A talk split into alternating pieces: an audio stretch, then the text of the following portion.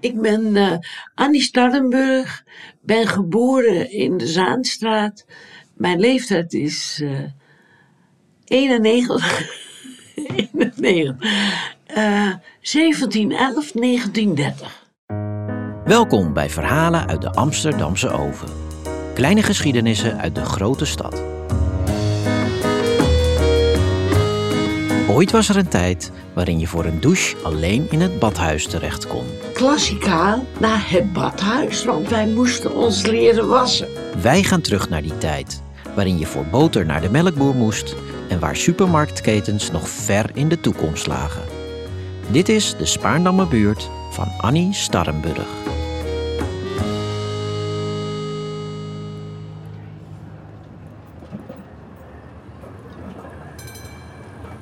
De tram schommelt gemoedelijk door de nacht.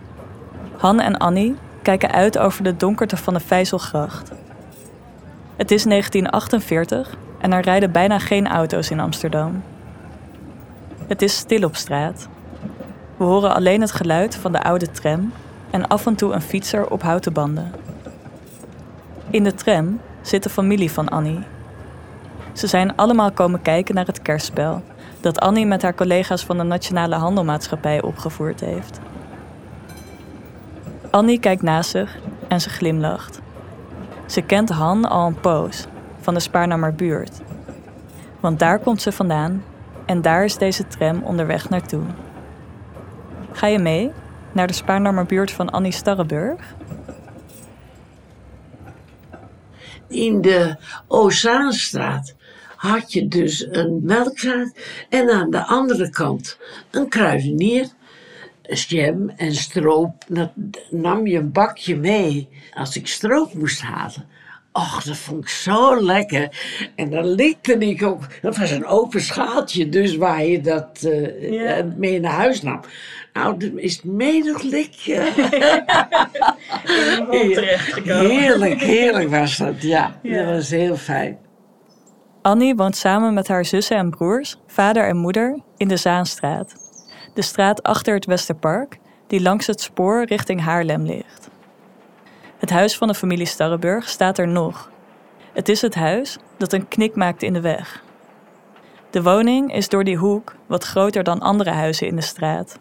De familie Starrenburg is erheen verhuisd van verderop, omdat er steeds meer kinderen bij kwamen in het gezin. Heel gezellig. Vijf meisjes en vijf jongens. In de jaren dertig kijkt de familie van Annie uit over een stuk niemandsland en het water van het ei. Links in de verte kan je bijna Zaandam zien liggen. Het buitenzwembad, dat er nu voor de deur ligt, dat was er toen nog niet. Laat staan het hoge gebouw van het Westcourt Art Hotel. Ook van de drukke autoweg die langs de Spaarnammerdijk raast, was nog geen spoor. We zijn in 1938 aangekomen. Annie is een jaar of acht en staat op het punt om naar school te gaan. Het is een lange tocht, want omdat het voetgangerstunneltje halverwege de Zaanstraat nog niet bestaat, moet ze om het Westerpark heen lopen. Dat betekent de hele straat af tot de Maria Magdalena kerk en dan rechts onder het viaduct door. Onder dat viaduct, waar de treinen richting Haarlem overheen denderen, moet ze talloze keren Magda van Essen uit de aflevering Staatsliedenbuurt gekruist zijn. Want die was elke ochtend op weg naar de katholieke meisjesschool in de Spaarnammerstraat. Annie loopt precies de tegengestelde richting van Magda. Zij gaat naar de gereformeerde school op de Wittekade. Het is een stuk langer lopen voor haar dan naar de katholieke meisjesschool. En ook voor Magda geldt dat ze erg lang onderweg is. Maar het is nou eenmaal gebruikelijk dat je naar een school gaat die je geloof representeert, ook als dat in een andere buurt is. Annie heeft een vriendinnetje uit de buurt met wie ze elke ochtend naar school loopt. Ik had een vriendin, Bertha Baas, en uh, we liepen altijd samen. En, uh, en dan ging je, je deed een spelletje onderweg. Ja, soms meer dat dekseltje bleef over. En als je daar dan een gaatje in maakte en een touwtje eraan en een uh, stokje aan de andere kant, dan kon je ermee rijden. En dat ging snel, want als je dan allebei zo'n zo'n dingetje had, om, dan moest je weer rennen om, te, om dat te kunnen laten uh, rijden. Annie weet nog als de dag van gisteren dat ze op een dag een handdoek moesten meenemen naar school. De klas gaat voor het eerst naar het badhuis, waar heuse douches te gebruiken zijn. De douche is een nieuw fenomeen voor Annie. Niemand heeft er een in huis. Voor de alledaagse hygiëne kun je bij de koudwaterkraan terecht en eens in de week worden Annie en haar broertjes en zussen gewassen in een bad voor de kachel. Elke zaterdagavond legt moeder een groot zeil voor de kachel op de grond. Daar zet ze dan een tijl op die ze met opgewarmd water vult. De oudste kinderen mogen altijd eerst. Annie is als vierde in de rij een pechvogel, want nadat zij in bad is geweest, wordt het badwater bijna altijd vernieuwd voor de rest van de kinderen. Ze zit dus altijd in het vuile water van haar drie zusters. Ik ben nog uh, in, de, in de tijl voor de kachel. En ik was de vierde. Dus het water was... eerst. nou, ik, volgens mij, na de vierde werd het water ververst. ja. Ze konden natuurlijk niet voor ieder kind uh, vers water nemen. Nee, dat kon niet. Het badhuis waar Annie leert douchen is het kinderbadhuis in de Frederik Hendrikstraat bij het Hugo de Grootplein. Het gebouw staat er nog steeds. De kinderen gaan het schattige huisje binnen. Voorin loop je eerst langs de kamertjes voor de administratie, de badmeester en de badvrouw. Daarachter ligt het wachtlokaal. En daarachter heb je het omkleedlokaal met twee deuren, zodat de klas die net gedoucht heeft links naar buiten kan, terwijl Annie's klas rechts het omkleedlokaal inloopt. In het omkleedlokaal kleedt iedereen zich uit tot op de onderbroek, met het gezicht naar de muur gekeerd om zo min mogelijk naar elkaar te kijken. Daarna lopen de kinderen met een stuk zeep in de hand door naar het badhuis. Dat is een grote ronde ruimte met 40 douches erin. In het midden van die ruimte zit een kraan. Daarmee bedient de meester het water van de douches. Het badhuis in de Frederik Hendrikstraat wordt ook wel het commandobad genoemd, omdat kinderen zich op commando moeten inzepen en afdouchen. Ik vond dat niet prettig. Ik heb dat als niet prettig ervaren. En je ging ook eh, met verschillende onder de douche. Niet met jongens, maar met meisjes ging je dan samen onder de douche. Dat vind je niet prettig. Ook al, al weet je helemaal niet van, van iets, eh, vind je toch niet prettig. Gelukkig voor Annie opent het badhuis bij haar in de Zaanstraat na een poos ook een kinderbad. In het vervolg gaat ze daar eens per week heen. Ik vond het badhuis vond ik fijn. Het was ook gezellig. En je had allemaal je eigen hokje. Hè? En uh, dan werd de tijd gezet. Als je erin kwam, je mocht ik een kwartier, mocht je daarin blijven. Als een kwartier om, werd er op de deur geklopt. dat ze verwachten dat je dus klaar was. Het onderwijs bevat in de jaren dertig dus meer dingen dan alleen taal en rekenen. Er werd ook gegeten. Kinderen van de school aan de Wittekade konden tussen de middag in het gemeentelijke overblijflokaal in de Wittestraat warm eten krijgen. Echt lekker was dat niet. Tussen de middag ging ik naar de eetzaal. En dat was ook van de gemeente. En dan had je, ik weet nog een keer, bruine bonen. En ik vond dat vreselijk. En als je het niet op had, dan gingen ze je voeren, want je moest je bord leeg eten. dan moest je bij ze komen en dan gingen ze. Ja, dat kunnen jullie je niet voorstellen hoe dat is. Pap werd er geserveerd. Die vond ik, ik vond het gewoon niet lekker. Ja, en geen lekker toetje of zo? Ben gek, kom nou. Na school speelt Annie, zoals alle kinderen van Amsterdam in die tijd, veel buiten. Ze heeft veel plezier aan het landelijke deel van de buurt vlak achter haar huis. De kinderen uit de Spaarnammer buurt spelen er graag. Ze zoeken kooltjes bij het spoor van het olietreintje of ze graven kuilen in de grond om in te spelen. Met hele mooie zitjes, zodat je er uh, echt in de kou kon zitten. En er wordt gepinkeld. Pinkelen deed je dus op de put. In, wat waren er natuurlijk geen auto's, die reden daar niet. Dus je kon rustig buiten spelen. Je had eerst een houtje met twee puntjes eraan en een stok. En dan legde je je houtje legde je neer en dan sloeg je op het puntje. En dan was de kunst om als hij omhoog ging, ook nog een map te geven tegen het ding. Als je verder over het landje voor de deur loopt, dan kom je uiteindelijk bij het zwarte weggetje terecht. Het zwarte weggetje is een weggetje dat langs boerderijen ging. En als je dat zwarte weggetje helemaal afliep, kwam je bij de Hembrug. De Hembrug was een spoorwegbrug waar de trein richting Zaandam overheen reed. In de jaren 80 is die vervangen voor de Hemtunnel. Over het water gaat tegenwoordig alleen nog maar de Hempont van en naar Zaandam. Waar het zwarte weggetje precies liep, is niet heel makkelijk te achterhalen. Ergens langs de S101 en de Westhavenweg waarschijnlijk. Het is met de blik van nu moeilijk voor te stellen als je de stromen autoverkeer van en naar Zaandam ziet razen. Maar het zwarte weggetje was een prachtige landelijke wandelroute. Annie liep hem geregeld op zondag met haar vader. Maar het zwarte weggetje werd niet alleen belopen voor de recreatie. Tijdens de oorlog stonden er Duitse soldaten op het weggetje. Je mocht best een wandeling maken, maar het was verboden om langs de boerderijen te gaan voor eten. Natuurlijk werd dat wel gedaan. Ook de vader van Annie had een manier bedacht om aan wat extra's te komen. Mijn vader ging dus naar de boerderij en dat was uh, Kortenhoeven. Daar haalde hij bonen en, uh, en die stopte hij allemaal in zijn zak. Hij had hele diepe zakken. Ja. En toen zei hij, want er stonden altijd Duitsers op de hoek van het Zwarte Weggetje. En uh, toen moesten wij een tent gaan maken op het midden. En dat deden we. En dan liet hij alle bonen in een zak.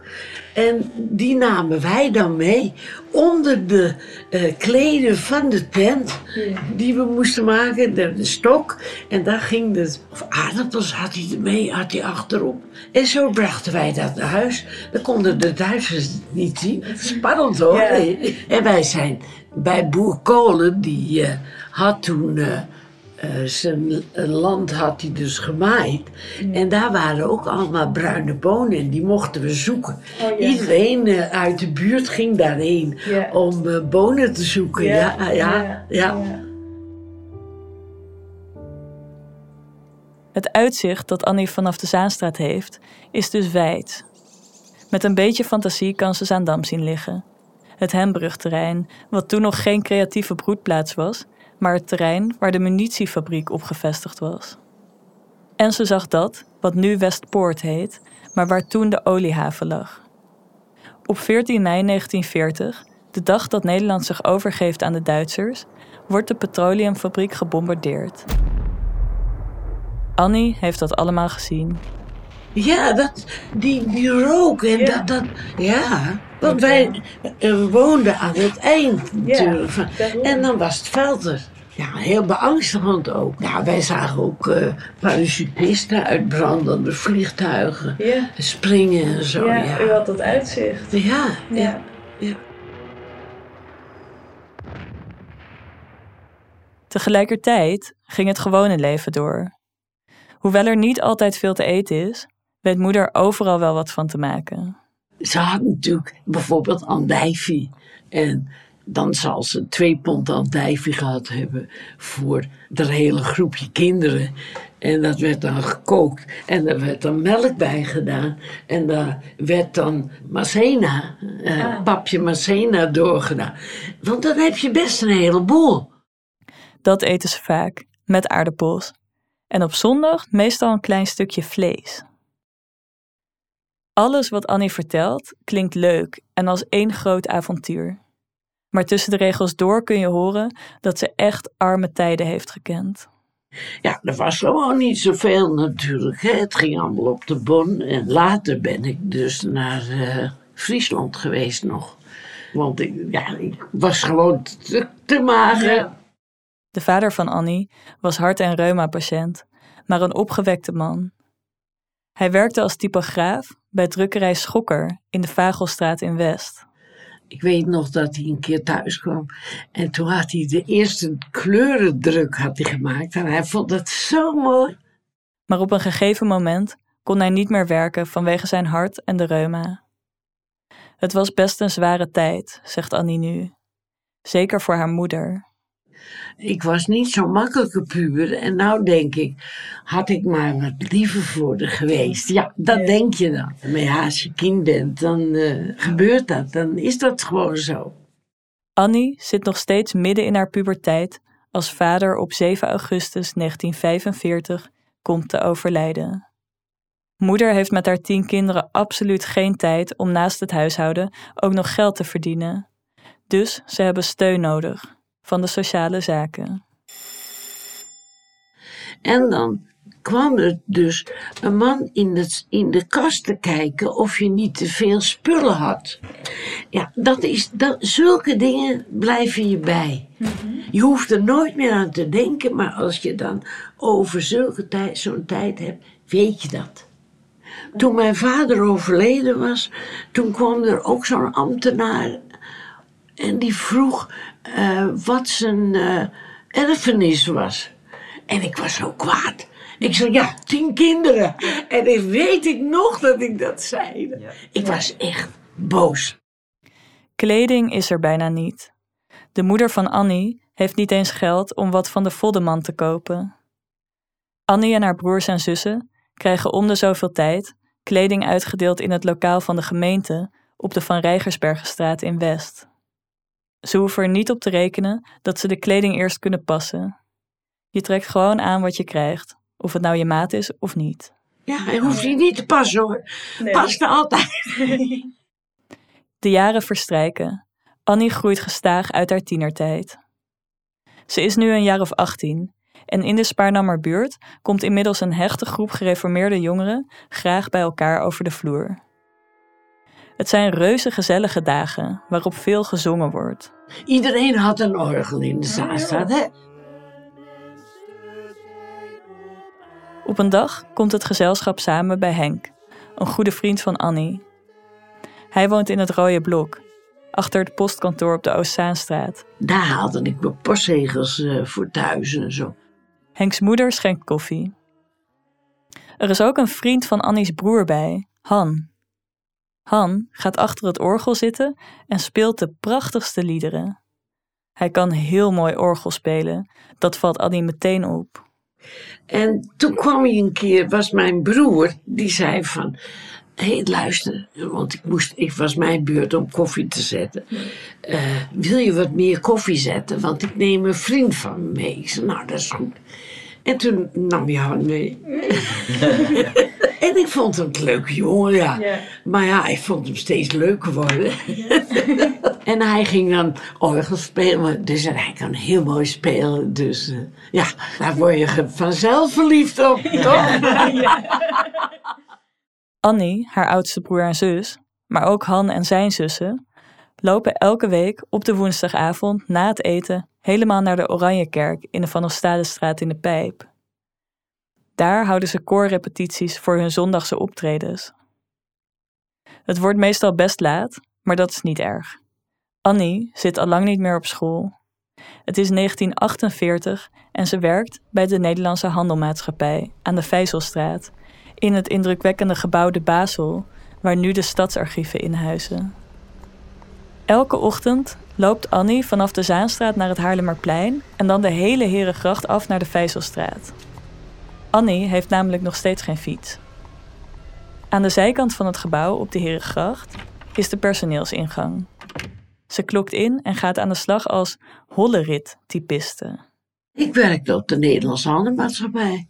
Daar was ik uh, hollerit typiste. Ik weet niet of je dat wat zegt, maar zo heette dat. En dat was, ja, je kent die kaarten, of ken je niet natuurlijk. Je hebt uh, van de Elektra uh, kreeg je natuurlijk een rekening. Uh, die kaarten die ponsten wij. En ja. daar zaten gaatjes in. En dan werd dat in de machine gedaan en werd het afgedrukt. Nou, dat deed ik. Als hollerit-typiste sla je de gaten in de ponskaarten achter een tabelleermachine. En dan wordt er een afdruk van gemaakt op papier. Zo deden ze de administratie in die tijd. Annie heeft het erg naar haar zin bij de Nederlandse Handelmaatschappij. Er is ook een toneelgezelschap op het werk, waar ze enthousiast deelnemer van is. In de winter dat jaar spelen ze het kerstspel. Annie is de engel die het kinderke Jezus naar Maria brengt. Ze kijkt de zaal in en daar zit Han, de jongen die ze zo leuk vindt. Hij zit in de zaal naast Annie's broer. Ze glimlacht het hele stuk. Daar wordt ze later nog voor op haar vingers getikt door de regisseuse. Engelen glimlachen niet, zegt hij. Maar Annie weet wel beter. Engelen glimlachen wel. Na de voorstelling staat ze op het balkon van de tram die naar de Oceaanstaat rijdt. En ze is bepaald niet minder gaan glimlachen. Han blijkt de liefde van haar leven te zijn. Annie en Han zijn maar liefst 66 jaar getrouwd geweest.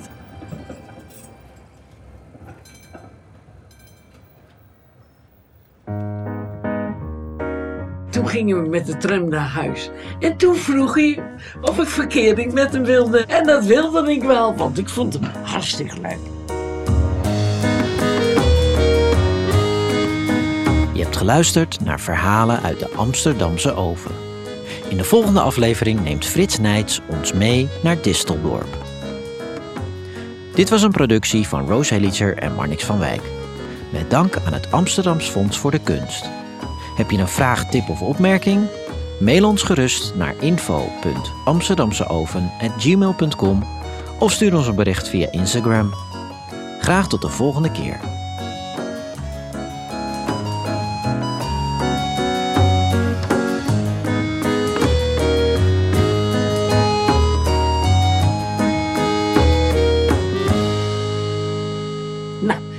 Mag je plakken en knippen. Ja, ga ik zeker doen. Ja. Maar ja, jullie zullen ook wel een koffie toe zijn.